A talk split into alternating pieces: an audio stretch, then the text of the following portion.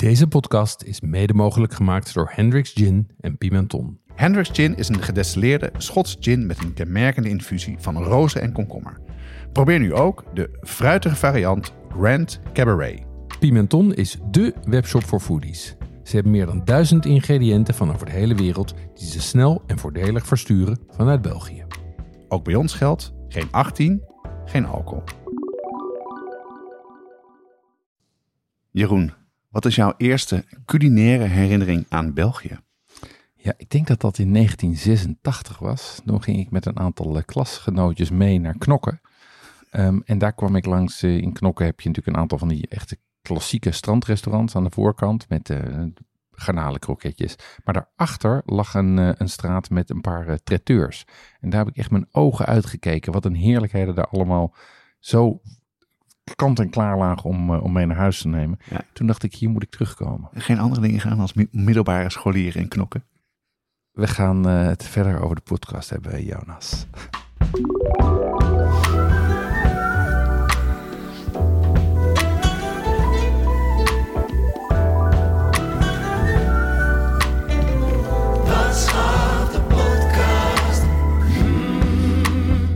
Deze aflevering gaat over Gent en Gent als culinaire hotspot. Uh, we gaan het hebben over de ontwikkeling van de derde stad van België.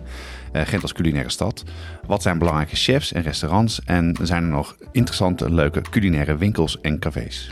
Ja, en we hebben deze aflevering natuurlijk ook extra content voor de brigade. Voor de brigade gaan we langer door. We hebben een gesprek met Olly Kuilenaren. Daar ga je straks ook meer over horen. Hij is chef van publiek en een van de Flemish Foodies. Ja, en we zitten niet met z'n tweeën, maar met z'n drieën. Uh, naast ons zit uh, Jeroen Tavernier. En je mocht echt niet zeggen Tavernier. Sorry Jeroen. Hij is een geboren gelogen Gentenaar, um, foodie en worstenmaker. Je werkt al 18 jaar en uh, bij Vooruit, a.k.a. 404. Kan je misschien kort vertellen, leuk dat je bent Jeroen, en kan je wat vertellen over 404? Um, ja, uh, zeer zeker. Uh, 404 is eigenlijk een, een kunstencentrum, uh, zoals we dat hier noemen, dat in Gent gelegen is. een van de beste kunstencentra ter wereld.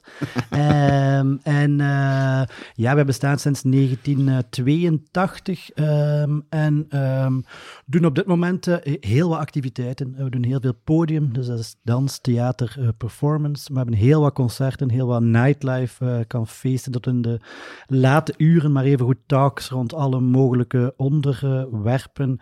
En uh, wij hebben natuurlijk ook een, uh, we zitten in een historisch uh, monument. Ja, prachtig gebouw, we zijn er geweest. Fantastisch gebouw met ongeveer 300, ongeveer 64 kamers, we hebben ze ooit geteld. Wow. heel veel zalen, dus het monument kan ook bezocht worden. Um, en daarnaast hebben we ook het laatste dat we toegevoegd hebben, is een foodprogramma. Maar daarover misschien straks. Ja, ja, dat is wel interessant, want jullie zijn een kunstencentrum, maar hebben wat dat betreft je opdracht gaat breder dan zeg maar uh, podiumkunsten. Je ziet ook uh, food wel als een belangrijk onderdeel in de programmering, hè? Zeer zeker. Um, we hebben eigenlijk vooral gemerkt tijdens uh, de lockdown of de vele lockdowns, mm -hmm. dat eigenlijk eten ons echt wel, ja, echt wel samengebracht ja. heeft in die, in die periode. ja, vaak het enige wat we konden doen was uh, bij mensen thuis gaan eten of clandestien barbecuen. Ja. Ergens in een tuin. Uh, en we hebben gezegd, ja, we hebben gemerkt dat echt wel mensen uh, samen, eten samenbrengt. en daarvoor hebben we eigenlijk, in Vooruit of in 404 deden we eigenlijk al heel wat dingen rond, rond food. maar daarvoor hebben we nu eigenlijk echt een officiële, dat toegevoegd als officiële programmalijn. Ja, dat zou ik ook goed vinden voor als Nederlandse kunsten. Zeker weten. Zou doen. Ja. ja. heel goed. Um, we noemden die al worstmaker. Um, dat is niet zomaar. Uh, we hebben ze de afgelopen dagen geproefd. En dat is wel iets meer dan uit de hand gelopen hobby inmiddels. Inderdaad, ooit bestaan als een, uh, ooit ontstaan eigenlijk als een uh, inderdaad uit de hand gelopen hobby. Ik vond altijd uh, boudins is, of de witte worsten vond ik eigenlijk altijd wel een heel fascinerend product op de barbecue. En samen met veel vrienden deden we veel barbecues en, en, namen we altijd van verschillende slagerijen boudins mee en vergeleken we die en testen we die. En op een gegeven moment dacht ik dat wil ik ook kunnen. eh, voor een worstenvulapparaat, een eh, vleesmolen gekocht en beginnen experimenteren en zo tot een eh, eigen recept gekomen. En in die tijd ook veel bezig met Thaise keuken en dacht ik ga de twee een keer combineren. En zo is eigenlijk de Thaise boudin blanc ontstaan. Dat, was, dat is eentje met verse chili, verse koriander, gember en kokos. En van daaruit had ik nog heel wat andere ideeën van smaken. En zo zijn we eigenlijk tot ja, een heel palet van, van verschillende eh, smaken eh, hebben, hebben die eigenlijk ontwikkeld. Eh, van Italiaanse, Marokkaanse, Belgische enzovoort enzoverder. En, en hoe heet het merk? Monsieur Boudin. Ja. Met, voor- een, met een mooie baseline, wijze worsten met goesting gedraaid. Kijk, Hoe. Gentser konden we zijn. heel Nou, goed. Deze aflevering is, is een tweeluik. Hè? Dus eh, we nemen nu deze op. eh, en over twee weken komt de volgende live. En dan gaan we het vooral hebben over wat wij hebben meegemaakt. De beste adressen. Waar ontbijt je? Wat zijn winkels? Eh, wat is een goede lunchplek? Waar drink je een pintje? Ga je op café? En eh, waar eh, eet je s'avonds direct? Dat hebben wij gedaan. Dus luister de aflevering over twee weken ook zeker. En dan ben je goed voorbereid als je zelf een weekendje naar Gent wil gaan. Jeroen, jij hebt voor ons wat te drinken meegenomen. Of eigenlijk, eh, we hebben dat geproefd de afgelopen dagen. En toen zeiden we van, nou, dat lijkt ons een heel geschikt drankje. Ehm, wat hebben we hier voor ons staan? De enige echte Picon Vin Blanc. Eh, dus Picon met eigenlijk eh, witte wijn. Ehm, ik vind het zelf gewoon een, eh, een heerlijk drankje. Het is niet typisch Gent, eh, voor alle duidelijkheid. Eh, Maar wel Vlaams toch? Of is het... ja, het is eigenlijk, ze moeten het situeren tussen de grens West-Vlaanderen en ook Frankrijk. Dat is eigenlijk de streek van de Picon Blanc, of Picon Vin Blanc. En iedereen beweert zijn eigen recept te hebben. En het is een beetje, ja, iedereen gaat er wild mee. De basisingrediënten zijn eh picon eh, en eh, witte wijn. Het kan ook met bier. Zelf niet zo'n fan van een picon bière. Ehm, en dan voeg je een aantal andere secret ingredients, want iedereen heeft daar zijn eigen, eigen recept. Dat Ja. kan van Cointreau gaan tot gin, tot ja, alle mogelijke dingen die er, die er aan toegevoegd worden. Ja, wij hebben het inderdaad eh, eh, ehm, hier met jou gedronken. Jij bestelt een keer en ik, hm, wat is dat? En dat was heel lekker. Het, is, eh, het ziet er bruin uit van buiten. Ja. Het zit in een glas met ijs. Er zit een, zit een sinaasappelschil bij. En nou, laten we even proeven. Het is grappig. Ik, dat, die kleur, dacht ik, lijkt het een beetje op een, op een bitter of een Negroni of dat soort dingen. Maar die vibe heeft het wel, toch, Jeroen? Ja, ik vind het, het, he- het, heeft, het zit wel in die, die bittere hoek. Het is iets minder, eh, het is iets minder alcoholisch. Het is iets minder bitter. En het heeft wat meer, eh, wat meer fruitige noten. Ehm, eh, dat zal ongetwijfeld ook komen door wat van de geheime ingrediënten die, wij net, die ik net heb gezien die erin Ja, zijn zo gegaan. geheim zijn ze niet bij mij. Hè. Bij mij, eh, dus wat wij toegevoegd hebben, is, eh, dat is een derde picon eh, amer. amer. Ja. Je hebt twee verschillende soorten picons. Je hebt picon amer en picon orange. Die is nog meer ja, orange eh, Ja. smaak. En dan, eh, dus een derde picon, eh, twee derde witte wijn, wat ijsblokjes. Je kan er wat, een, beetje, een beetje citroen eh, bij doen. eh, citroensap, een paar drupjes. En ik voeg er eigenlijk graag Cointreau aan toe, omdat dat wat iets meer body geeft dan de Picon Vin Blanc. En die komt nog eens eh, lekker hard binnen dan. Ja, ja, heel goed. Ja, die En- kan ik wel aan wennen, hoor. Toen ik het opzocht, eh, zei ze garneren met een takje tijm. Jeroen? Ja, ja, ja. nee, nee, nee, nee, nee, nee. Ik zou ook zeggen, nee, nee, nee. Eh, ja, misschien in, eh, in Frankrijk is het oui, oui, oui, maar... eh, Hier is het non, non, non. Interdit. Leuk. Nou, ik, vond het, ik vind het echt een ontdekking. Eh, want het is, eh, het is niet zo boozy, maar het is wel een lekker aperitief. Het heeft die bitter een beetje. En eh, ik ga in Nederland even kijken of ik een, een picon kan vinden. Jonas, we hebben een aflevering gemaakt over hot sauces. Dat deden we samen met de mannen achter Heat Supply. Deze hot sauce bazen hebben zelf ook een serie saus uitgebracht. Rijmakers, heetmakers genaamd. Ja, en dat zijn sauzen die niet alleen maar focussen op hitte, maar ook op smaak. En dat is voor ons een kenmerk voor een goede saus. Ze lopen op in pittigheid, eh, van de milde immune booster tot aan de brain buzzer die behoorlijk heet is. En eh, wat ik er zo leuk aan vind is dat het een echt Nederlands product is en dat het prachtige flesjes of doosjes zijn. Nou ja, een flesje die uit een doosje steekt. Eh, heel mooi en eh, leuk als cadeau. Je vindt rijmakers heetmakers op heatsupply.nl of vraag ernaar bij je delicatessenzaak. En daarmee eh, komen wij bij het hoofdonderwerp. Gent als culinaire hotspot. We gaan het even hebben over, over wat Gent op dit moment culinair voorstelt en waar dat vandaan komt. Ehm, en dat doen we natuurlijk met Jeroen Tavernier, die we net al hebben geïntroduceerd. Nou, Jeroen, wij spraken elkaar. eh, eh, jij hebt ons geholpen met een programma en eh, op, op weg genomen, op pad genomen in Gent. En toen wij een gesprek van tevoren hadden, zei je al, ja, het is, er is heel erg veel gebeurd de afgelopen tijd. Mhm. Eh, en misschien kan je even kort voor de luisteraar uitleggen van toen jij 18 jaar geleden begon te werken bij Vooruit, wat nu eh, 404 heet, hoe zag Gent er toen culinair uit? Ja, Gent was eigenlijk toen op dat, op dat moment eh, een beetje een culinaire woestijn, laten we het zo zeggen. Eh, we moeten eigenlijk eerst een stap terugnemen. Eh 18 jaar geleden mogen we nog een beetje meer de klok Ja, ja. terugdraaien. Jaren 80, eh, toen was er echt niks of quasi niks in, in, in, in Gent spannend in ieder geval te doen. Ja. Maar toen is, en dat heb ik zelf ook, ook gelezen eigenlijk, ik kende de man zelf niet, is Willy Slavinski naar hier gekomen. Oké? Was eigenlijk een, een topchef uit Brussel, die daar werkte in La Lorraine, een zeer eh, gerenommeerd eh, restaurant.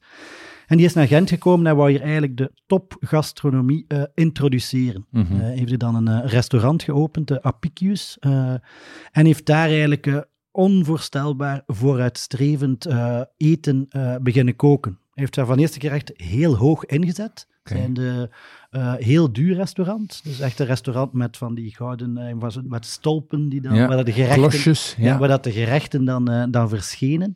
Ehm, hij heeft dat ook gedaan aan, aan het Citadelpark, dat is aan de, het kunstenkwartier, omdat hij dacht, het zit naar een aantal musea en die kunstliefhebbers zullen zeer snel de weg vinden naar mijn restaurant. Maar dat heeft blijkbaar wel een tijdje geduurd, maar op een gegeven moment kwamen wel de mensen van heinde en van verre proeven van zijn eh, ja, culinaire hoogstandjes. Toen was dat de, echt zo de nouvelle cu- cuisine die geïntroduceerd werd. En Ja. hij bereidde gerechten, bijvoorbeeld kreeft met eh, vanille was bijvoorbeeld Oh, een ja. van zijn eh, signature dishes. En ja, bijvoorbeeld, eh, jullie wel zeer goed bekend, eh, Sergio Herman is daar bijvoorbeeld met zijn ouders komen eten. En voor hem was dat blijkbaar een, culinaire openbaring, omdat hij toen al met veel groenten werkte, heel ingenieus eh, te werk ging. En zo zijn er eigenlijk heel veel mensen gevolgd. Helaas is de man op eh 44-jarige leeftijd, geloof ik, overleden aan, aan kanker. En zijn vrouw heeft nog eventjes geprobeerd om het restaurant verder te zetten, maar eh, ja, dat is dan uiteindelijk eh, Ja. een stille dood gestorven, maar wel een, inspiraas, een inspirator eh, voor heel wat, eh, heel wat koks achteraf. Interessant. Dit, dit is natuurlijk zeg maar de, de haute cuisine, hè, de, de begin Mhm. van de haute cuisine. Maar, de, maar gewone mensen in Gent eten natuurlijk ook. Wat zijn nou typische streekgerechten of stadsgerechten in, eh, in Gent? Maar je hebt een aantal eh, typische gerechten. Denk, eh, op nummer 1 staat er Gentse waterzooi. Mhm. Eh, Wat is dat? Blijkbaar een gerecht dat ontstaan is, wist ik zelf niet, in de, in de 14e eeuw al. Oké. Eh, zijn twee, het is eigenlijk blijkbaar ontstaan met een, dus een soort van soep eh, die gemaakt wordt. Eh, initieel werd die gemaakt met zoetwatervis, omdat er hier in de Gentse wateren heel wat uh, zoetwatervis Ja. eh, zwom. Ehm, maar later is dat geëvolueerd naar een, een gerecht met, eh, met kip. Eh, dus de basisingrediënten zijn altijd kip, kan ook vis zijn. Aardappelen, eh, groenten en vaak room die eraan toegevoegd wordt. Maar weer opnieuw, het is zo Gentse water. Ik denk dat iedereen waar zijn, ik denk dat elke grootmoeder of elke mama of vader natuurlijk wel zijn eigen recept van de Gentse waterzooi heeft. Ja, dus echt een, eh, het is echt een, een stoofpot, zeg maar. Een, eh, een, een gro- groente, groente en, en eh, kip in, in vocht. Inderdaad. Gebonden met een beetje room. Klopt, Ja. nagel op de kop. Dan heb je ook nog de Gentse stoverij. Eh, stuverij met frieten, zijn wij hier in, Ja, ja. in Gent. En dat is eigenlijk dat is een, een runs stoof, stoofvlees eigenlijk, die lang ja, zeer lang gegaard wordt. Ehm, kan ook met varkenswangen. Er zijn allerlei verschillende recepten ook voor. Alweer, iedereen denkt dat iedereen wel ook zijn eigen recept heeft. Mensen doen dan een boterham met, eh, met mosterd in, met Ja. Gentse mosterd in, om wat extra smaak te geven. Eh, er kan van alles in, qua kruiden ook, eh laurier, kruidnagel. Maar ook vaak, heel vaak met bier gemaakt. En de ene doet dat dan inderdaad, dan moet dat met die een, eh, ik zeg maar, die een bepaald soort trippel of met, eh, met dat soort pintje. Dus iedereen zweert dan bij zijn eigen, eh, eigen recept. Ja, ja, ja. Dus dat, dat, is, dat is niet echt een recept, dat is meer een extended family of recipes, eh, zeg maar. Inderdaad. En Ja. natuurlijk geserveerd met eh, goudgele, eh, krokante frieten en een goede klak mayonaise. Zo is het, zeggen. zo is het. Een toefje mayonaise. Heel goed. Hey, en is er Ehm, toen is het veranderd, hè? Die, die, die, die culinaire woestijn, uh, die werd, uh, daar kwamen oasen, werd water gegeven. Um, kan je dat uitleggen? Want dat is wel een interessant verhaal. Mm -hmm. Ongeveer tien jaar geleden is dat gebeurd, toch? Ja, uh, toen waren er eigenlijk een aantal jonge chefs. zijn de drie jonge chefs. dat is Kobe Desramo, ehm, later uh, heel wat uh, restaurants eigenlijk geopend. Nou, de Jason uh, Blankaert en hij had je Olly Keulenaren. En dat waren eigenlijk drie jonge gasten, drie vrienden, goede vrienden, maar ook skaters. ze dronken graag een pint en konden zeer, goed, zeer goed koken. En die zijn eigenlijk een beetje uit hun eigen, is dat een beetje een soort van beweging geworden, de Flemish Foodies. zij kookten allemaal met zeer lokale producten. Dus toen, nu is dat, hoe zeg je dat? normaal. Normaal, ja, de normaalste zaak. Toen was dat eigenlijk vrij rock and roll. Dus die gasten waren zelf uh, rock and roll, maar ook ja, kookten ze met heel eenvoudige gerechten, met heel lokale gerechten, maakten ze eigenlijk ja, echt, echt topgerechten. en die hebben eigenlijk zeer snel naam en faam gekregen. En wat is hun invloed geweest dan, als je er zo naar terugkijkt? Want je hebt het meegemaakt, die periode. Goh, toen was dat, dat was ook wel tof, omdat zij, zij organiseerden ook festivals. Zij organiseerden zo echt foodfestivals, uh, maar, maar optredens daarbij. Uh, maar ook gewoon die restaurants, ja, dat waren drie hotspots. Uh, en van daaruit, ja, heel veel mensen die daar een stage gaan lopen zijn, die, die, hun, die al hun ervaring eigenlijk ah, ja. meegenomen hebben en ja, in heel wat andere restaurants aan de slag ja. gegaan. En dat is echt, heeft echt wel veel aan het rollen gebracht, gezet, ja. Nou, dat is leuk, hè? want dat, dat zie je natuurlijk vaker, dat bepaalde restaurants, dat daar de, de brigade die daar werkt, dan uitvliegt en zijn eigen dingen begint en, en toch daardoor geïnspireerd is. Ja, wat mij, wat mij opviel is dat, um, uh, is dat, laat ik zeggen, dat soort, dat soort uh, chefsbeweging, die heb je natuurlijk veel.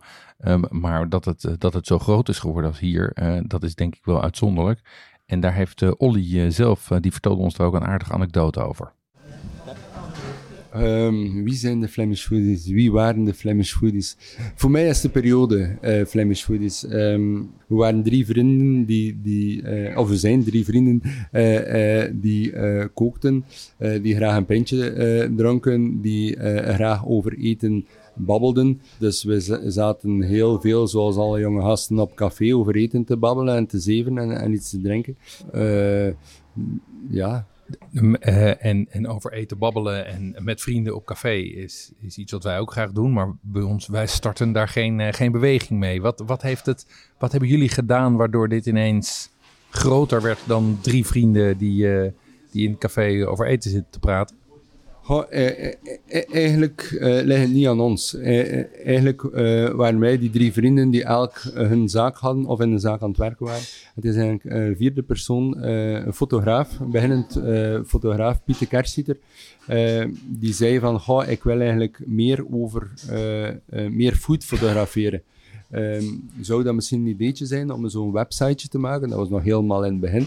Um, en uh, ik kom wekelijks bij jullie langs en ik, ik trek een foto van jullie gerecht. Dan kan ik mezelf een beetje oefenen van belichting en dergelijke. En dan kunnen jullie een receptje erbij schrijven. En dan wij direct van, oh nee, nee, nee, dat zien wij niet zitten. Receptjes schrijven, elke kok haat receptjes uitschrijven. Dus uh, dan hebben we gezegd, laat ons gewoon ons eigen gedacht zeggen bij die foto, bij dat gerecht. Um, hoe dat ontstaan is, wat dat we er juist boeiend aan vinden en dergelijke. Um, en dat deden we. We begonnen te zien dat, dat eigenlijk week na week dat we die fotootjes erop zetten en, en, en onze mening hebben, dat, dat die website, dat tellertje, dat begon maar te lopen en, en, en internationaal en internationaal. Um, ja, dat dat enorm groot werd opeens. Dus uh, uh, zonder dat we daar eigenlijk iets mee, deden.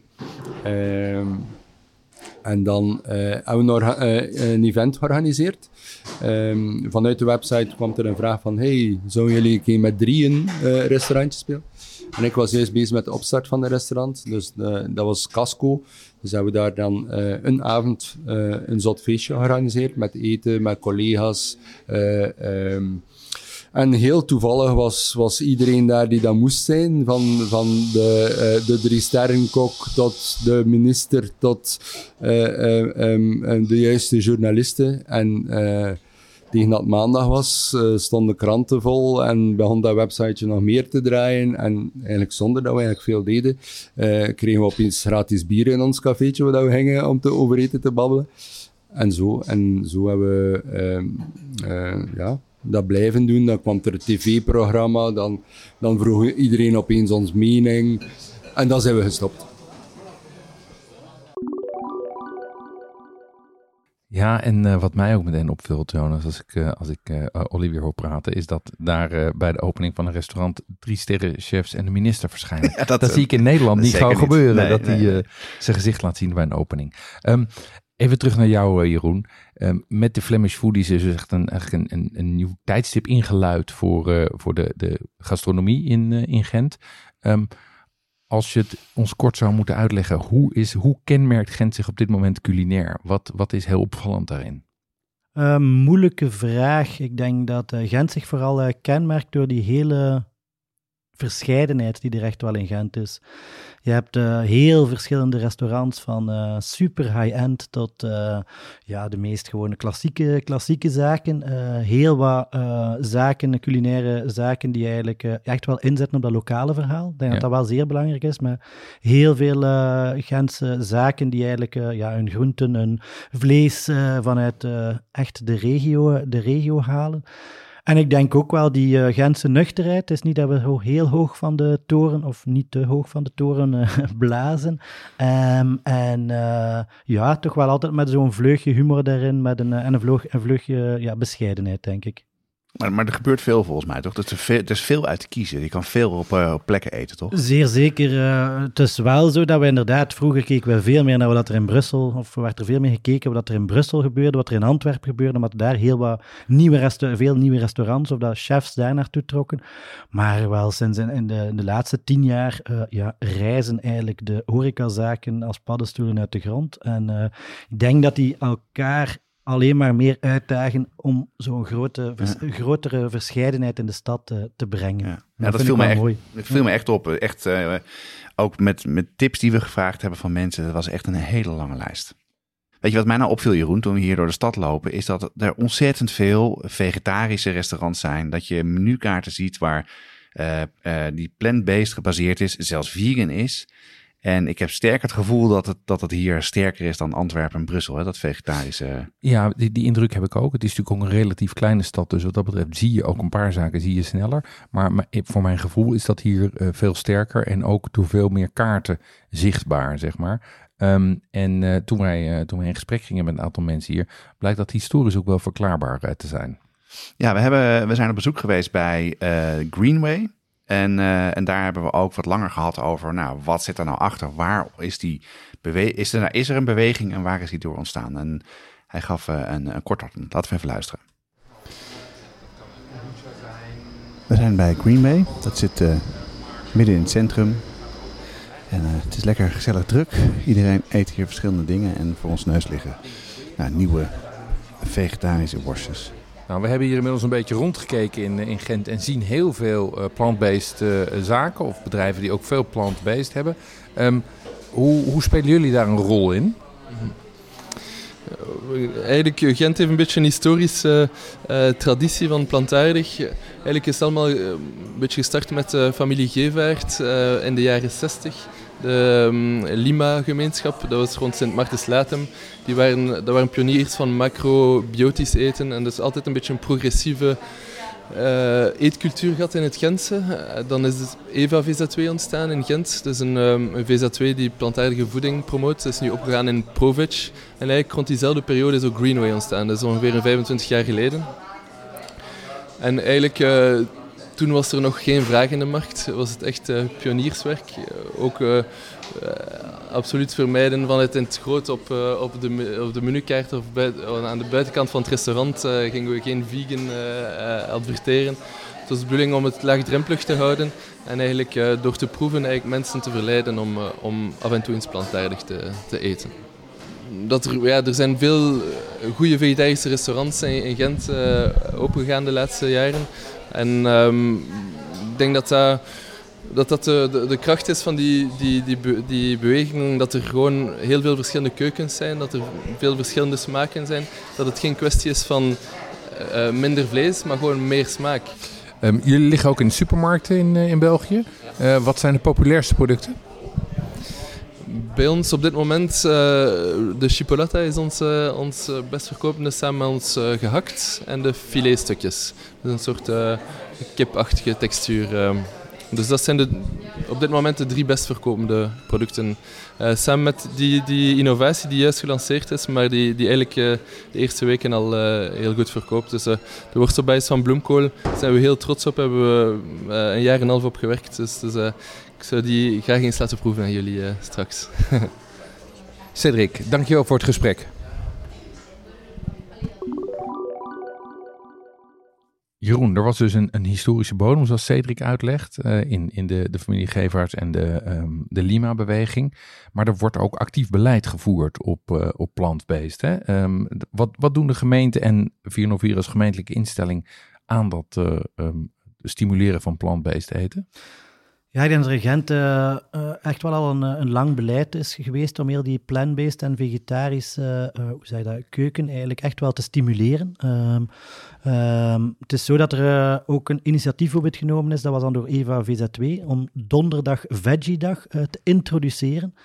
Dus dat wil zeggen dat er op donderdag zoveel mogelijk vegetarisch gegeten wordt, dat dat gestimuleerd wordt in restaurants, maar ook heel belangrijk in scholen, in veel stadsscholen is die donderdag echt wel de, de veggie-dag tot, uh, tot uh, hoe zeg je dat? irritatie. Plezier, van de plezier kinderen. of irritatie van, uh, van, van, van, uh, van de Gentse schoolgaande jeugd.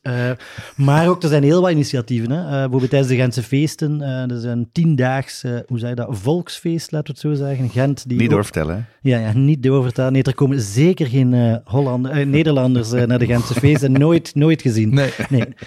Gedragen zich allemaal keurig, gok ik. Zeer zeker. Het is een Hollandse, foodpodcast. Ja. Uh, dus die gedragen je keurig. Uh, maar uh, bijvoorbeeld tijdens de Gentse feesten zijn er ja, heel wat eetkramen. Eh, en door de stad Gent bijvoorbeeld wordt er echt wel gestimuleerd om, om een bepaald percentage vegan en vegetarische standen te hebben in het Gentse. Die zijn ook als, stimuli als stimulans worden die plaatsen goedkoper of aan een ah, voordeliger tarief zelf. dus de kramen zelf zijn, zijn helemaal vegetarisch dan? Ah, ja, een deel, een bepaald percentage, ik weet niet hoeveel het juist, ik dacht 25% of zo, dat vegetarisch moet, Veel, uh, moet zijn qua aanbod. Um, dus dat is wel uh, iets heel belangrijk op de, hoe het op de Gentse feesten, je daar op een zeer laagdrempelige manier natuurlijk uh, vegan of, of veggie um, introduceert. En um, uh, wat doen jullie er bij 404 of bij Vooruit aan? Bij 404 hebben wij sowieso uh, een heel het keukenverhaal, de, heel het foodverhaal dat we brengen bij ons in het keuken en het café. Um, zetten we echt wel in op uh, plant-based food. Uh, de dagschotel bijvoorbeeld is echt, echt wel plant-based. Dus, maar daarnaast geven de mensen wel nog altijd de keuze om bijvoorbeeld een, een spaghetti, maar, maar dan met, met vlees te nemen of een ander, of een ander gerecht. Maar bijvoorbeeld de kaart is wel heel, uh, hoe je dat, strak, nee, sterk getrokken uh, naar onze artiestenkatering. Die is bijvoorbeeld volledig plant-based. Uh, ook de, de catering smiddags naar het personeel is volledig uh, plant-based. Dus die keuze hebben we echt wel ja, sterk gemaakt eigenlijk. En daarnaast, ja... We hebben heel veel zalen, heel veel, geven echt wel een groot platform aan, aan organisaties die daar hun debatten kunnen voeren en die we dan graag ondersteunen. Interessant hoor. En, en maar als ik het zo beluister, is het vooral het stimuleren van, van, van plant-based eten en niet zozeer het, het belasten of uh, verbieden van, uh, van vleesproducten. Het is, het, is een, het is een stimuleringsbeleid. Hè? Ik denk heel, op een heel positieve manier stimuleren. Denk ja. dat dat nog altijd het beste effect uh, zal, zal hebben. En ik denk dat dat wel ja, op die manier in Gent wel gedaan wordt. Ja, wat ik, wat ik ook interessant vond, we hebben even kennis gemaakt met uh, Tom, de chef van uh, 404. En die legde uit hoe hij uh, bijvoorbeeld inderdaad de spaghetti bolognese, die een klassieker is bij jullie op de kaart, hoe die de receptuur daarvan heeft aangepast en daarmee 70% van, van het, het vlees feitelijk heeft vervangen door groenten. Terwijl het nog steeds een heel populair en goed gerecht is. Maar op die manier dus ook gewoon zorgt voor minder vlees. En dat, mm -hmm. dat vind ik, dat is vaak dat onderbelicht. Het is toch altijd een soort van forceren van wel of geen vlees. Terwijl met dit soort maatregelen kan je natuurlijk ook op een hele slimme wijze gewoon de vleesconsumptie enorm terugbrengen. Zeer zeker. Ik denk, uh, ja, minder maar beter. Dat dat uh, nog altijd, uh, hoe zei dat, de, de goede slagzin moet zijn ja. bij hoe dat we daarmee omgaan. Ja, daar zijn we erg van. Ja. Wat ik leuk vond toen wij met Toms aan tafel zaten, is dat hij dus vertelde van hoe dat ontstaan is, die bolognese, dat bolognese recept, is eigenlijk vanwege zijn kinderen. Want hij wilde zijn kinderen gewoon meer groente laten eten. Nou, de, elke ouder herkent dat gevoel heel erg. Dus hij is gaan experimenteren om steeds minder vlees te doen en steeds minder uh, wortel. Meer wortel? Meer wortel, ja. En heeft die wortel ook op een bepaalde manier gesneden, zodat hij dezelfde soort structuur krijgt als het, als het gehakt wat erin zit. En tot hij op een gegeven moment een grens was van ja, dit is, we kunnen niet verder gaan. En dat heeft hij ook doorgezet uh, bij 404 in de keuken. En we zijn daar geweest. Het is een enorme zaak waar ook heel veel mensen komen, waar het niet altijd duur is om, om te halen. Dus het is ook echt een heel populair gerecht uh, wat hij maakt, wat er echt doorheen gaat in de keuken. En uh, toen vroegen we ook van ja, hoe maak je het dan? Is het dan niet als, het, als het, um, die wortel erin zit, wordt niet heel zoet? En zeiden ja, dat is wel, is wel zo. Maar ik heb daar een, iets op gevonden. Ik heb een soort van spice blend gemaakt van van venkel, komijn, uh, van koriander. Een beetje in een vijzel of in een apparaat even uh, wat grover, uh, wat fijner gemaakt. Met wat grove stukjes erin. En dat was als een soort van parmezaanse kaas. Doet hij dat er overheen en dan wordt het wat spannender en wat, ja, wat floraler. En dat doet hij dus ook daar in, in 404. Van, en het recept van deze bolognese, die zit op de site. En iedereen waarvan kinderen pasta rode saus eten. Nou, ik zou deze gaan doen, dan krijgen ze meer wortel.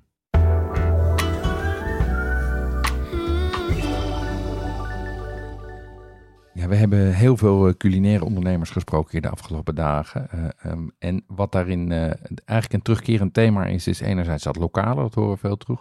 Maar wat mij ook opviel is dat, er, dat een aantal partijen het echt bewust hebben over beperkte groei. Um, die, laat ik zeggen, hebben nu in hun businessmodel ingebouwd dat ze niet veel groter willen worden dan de regio.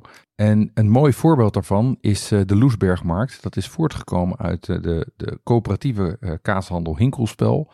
Um, en Philippe daar van, van Hinkelspel en van Loesbergmarkt, die legt dat heel goed uit. Ja, we zijn langs geweest en hebben ook weer even een korte reportage gemaakt. Laten we luisteren.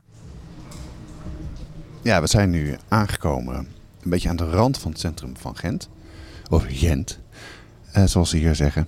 En ehm, ik sta voor een poort met een, uh, nou, een uh, het lijkt een beetje op een garage. Er zijn allemaal fietsen buiten. En uh, we zijn aangekomen bij de Loosbergmarkt, waar we zo een, rondleiding krijgen. Dus ik loop naar binnen. Aan de rechterkant zijn allemaal kazen te rijpen. En zodra ik naar binnen ga, dan is het hier hartstikke druk. Maar het lijkt een beetje op een marktje. Maar dan, maar dan binnen. Wij staan inmiddels binnen met Philippe van der Rijzen. Um, uh, Philippe is van het Hinkelspel en eigenlijk de drijvende kracht achter de Loesbergmarkt. Um, we staan hier, kan je even iets vertellen over de soort bedrijven die hier, die hier staan? Ja, Goh, er zijn vier, eigenlijk vijf bedrijven die hier staan. Vier ervan de hele week door en eentje enkel op vrijdag en zaterdag. Er is enerzijds een groentewinkel met producten van drie lokale boerderijen die ze dus op die manier uh, rechtstreeks kunnen afzetten aan de consument. Um, dan is er een restaurantje, De Bergen. Zij maken eten en serveren dranken. Maar het, gros, het, grootste gedeelte van de ingrediënten die ze gebruiken worden aangekocht op de markt. Dus bij de groenten, maar ook bij de bakkerij Copin. Um, ook een coöperatieve bakkerij die hier brood bakken en croissants enzovoort. Um, en dat dan ook rechtstreeks verkopen. Uh, ook Copin werkt met uh, boeren die lokaal verschillende soorten tarwe telen. Uh, en met wat wij een, een, molen, een maalderij vormt waar het graan gemalen wordt, die ook zeer lokaal is, die op 30 of 40 kilometer hier vandaan ligt. Uh, op vrijdag en zaterdag is er ook de heerlijkheid. Een varkensboer die zelf um, ehm, 8 à 10 varkens per week uh, slacht.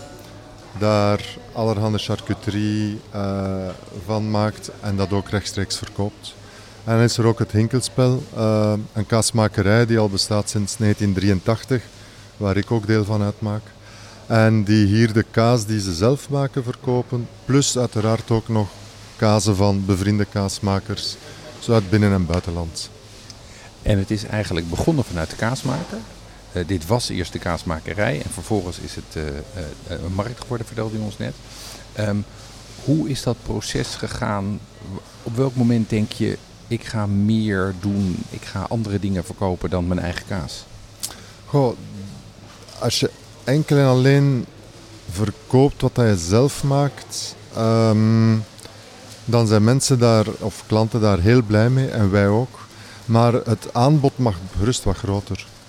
Ehm, dan is het al enerzijds commercieel, omdat het dan al wat meer de moeite is om langs te komen. Ehm, anderzijds is het ook zo dat je met andere, kleinere, gelijkgestemde bedrijven, boeren, kaasmakers, bakkers, kan samenwerken om elkaars producten te verkopen. Waardoor dat je automatisch ehm, een, een, een gemakkelijkere manier hebt om omzet te draaien. Plus dat je weet dat je met, met mensen samenwerkt die dezelfde filosofie uitdragen en dat je dus een duurzame relatie kan opbouwen met je leveranciers, met je klanten. Uh, waar, en dat is toch wel belangrijk. En jij noemt net al even die filosofie. Wat is die filosofie? Goh, die filosofie is eigenlijk dat we uh, eerlijke producten aan een eerlijke prijs willen verkopen. En die eerlijke producten zijn zeer belangrijk. Um, er is hier heel veel bio aanwezig, maar uh, er zijn ook een aantal boeren die niet bio werken, zeker ook een aantal kaasmakers die niet bio werken. Maar die melk komt wel van vlak van de kaasmakerij zelf, onder andere. De boeren die iets leveren krijgen een eerlijke prijs voor hun producten. Dat wil zeggen dat dan een prijs krijgen, krijgen voldoende geld om er zelf te kunnen van leven. En om, ja, het product moet naar, echt naar zijn waarde geschat worden. Het gaat dus niet over een marktprijs die soms veel te laag ligt uh, en soms ook af en toe veel te hoog, omdat er gespeculeerd wordt. Nee, uh, nering naar de tering. Dat is belangrijk. En, we, ik kijk, we kijken nu uit op het, uh, op het groenteaanbod hier. Um, en dat, nou ja, daar zien we een hele, een hele range van, ik denk wel tien verschillende tomaten. En dan een aantal kruiden, salades, um, maar ook fruit. Waar, trekken ze de, waar, trekt de sla, waar trekt de groenteboer de grens, zeg maar? Wat, kan nog wel, wat is nog wel lokaal en wat is te ver? Goh. Dat is een korte keten is een begrip dat op twee, op twee manieren kan ingevuld worden. Hè. Um, of lokaal, eigenlijk wat wij vooral willen is dat we zo rechtstreeks mogelijk kunnen afnemen van de producent. Hoe minder tussenschakels dat daartussen zitten, hoe beter voor de producent, want die krijgt een betere prijs. Uh, en hoe beter voor de consument, want die betaalt een betere prijs. Uh, en al het geld dat daartussen zit bij tussenhandelaars of bij grootdistributie, dat gaat naar producenten en eigenlijk is dat een, een winst voor de klanten ook. Dus als je sinaasappelen bijvoorbeeld in Spanje koopt, ja, dan is dat natuurlijk wel een vrij grote afstand. Uh, en dan is dat ecologisch misschien discutabel. Maar als je die rechtstreeks afkoopt van de boer, die weet waar dat die terechtkomen en wat ermee gebeurt, dan zijn toch al een hele stap in de goede richting van eerlijke prijzen aanbieden aan kleine boeren. Um, hetzelfde geldt voor tomaten. Alles wat, wat kan in België geteeld worden, wordt hier ook geteeld. Er zijn tomaten, er zijn komkommers, er, is, er zijn uien. In de winter zijn er alle knollen, zeg maar. Um, maar in de winter vind je hier bijvoorbeeld geen tomaten. Dat seizoen begint ergens in juni en eindigt eind september. En that's it. Seizoensgroenten zijn belangrijk. Er wordt niet in serres, uh, opgestookte serres gekweekt. Alles komt uit koude grond. Dankjewel. Nou, we hebben een uh, rondleiding gehad over de verschillende ja, partijen die hier staan. Uh, lekkere kaas geproefd. En Jeroen, wat, wat vind je hiervan? Wat ik, wat ik heel leuk vind om te zien hier, is dat het een. Um, het ziet er gewoon uit als een echt een prachtige zaak. Het ziet uit een, uh, laat ik zeggen, als de versafdeling van een filiaal van de markt met een Q. Um, maar het is coöperatief. Het is veel lokaler. Um, en het is allemaal dus ook heel erg in het seizoen. Dus ik, wat ik er leuk aan vind is dat het het gevoel heeft van een, uh, van, van een chique zaak. Ehm, maar dat alle producten lokaal, zoveel mogelijk biologisch zijn. En vanuit een hele sterk idealisme gemaakt. En dat je effectief alles bij elkaar hebt wat je nodig hebt. Uh, je kan hier je, je groente halen. Je kan hier wat vlees halen. Je kan je brood halen. Je kan je kaas halen. Je kan je zuivel halen. Ja, ik denk dat je hier alle boodschappen zou kunnen doen. Ik denk wel dat het budget dan wat omhoog moet. Ja, wat ze daar vertelden over hoe ze omgaan met lokaal, uh, dat vond ik ook grappig. Want bij Way, waar we geweest zijn, een koffiezaak, daar, uh, daar was het hetzelfde. Uh, daar hebben ze van tevoren gezegd, oké, okay, we blijven binnen Gent. We gaan niet heel veel groter. Um, en we zijn ook geweest bij een lokale brouwer, Doc Brewery. En daarvan zeggen ze ook van, ja, wij zetten gewoon een grens aan hoeveel liter bier we, we brouwen. En dan is het op. Ja. En, uh, ja, en de, de Loesbergmarkt, ja, vroeg van, is er nog een ruimte voor een tweede plek. Die, nou, dan moeten ze lekker zelf doen. Ja. Het is genoeg. Hier, hier hou ik het bij.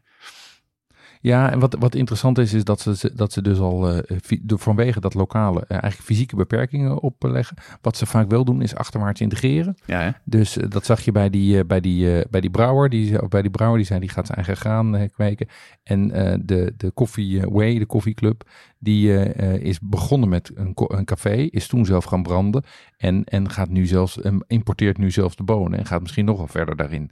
Dus dat is, dat is interessant. Overigens hebben ze wel daarnaast allemaal online verkoop. En dat schaalt natuurlijk veel beter.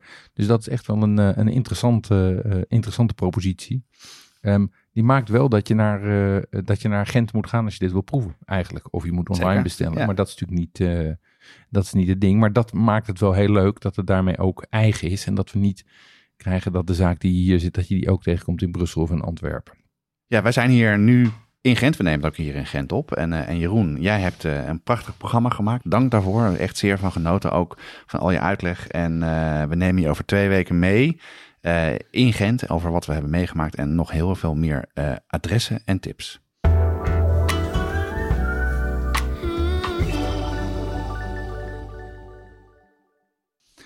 Ja, voor de luisteraars van de Gaten podca podcast zit het erop voor deze aflevering. Voor de brigade gaan we nog door met het supplement. In het supplement hebben we dus een uitgebreid interview met chef Olly Keulenaren van Publiek en een van de Flemish Foodies. Als je ook lid wil worden van de brigade, ga dan naar petjeaf.com slash podcast en meld je aan. Jeroen, ontzettend bedankt voor je aanwezigheid, al je werk. En uh, we hebben daar, het, was, uh, het was super interessant en we hebben ervan genoten. En uh, tot over twee weken als je ons meeneemt Gent in. Alright, bijzonder graag gedaan. Deze podcast wordt gemaakt door Jonas Nouwen en Jeroen Doucet. Speciale dank aan Jeroen Tavenier voor alle tips en introducties. Het team bestaat uit Corianne Straathof, Annie Tazelaar, Paul Veldkamp, Cato van Paddenburg en Jesse Burkunk. En de muziek is gecomponeerd door Nico Brandsen en Ton Dijkman en wordt uitgevoerd door Mel en Vintage Future. Tot over twee weken. Ja, tot in Gent. That's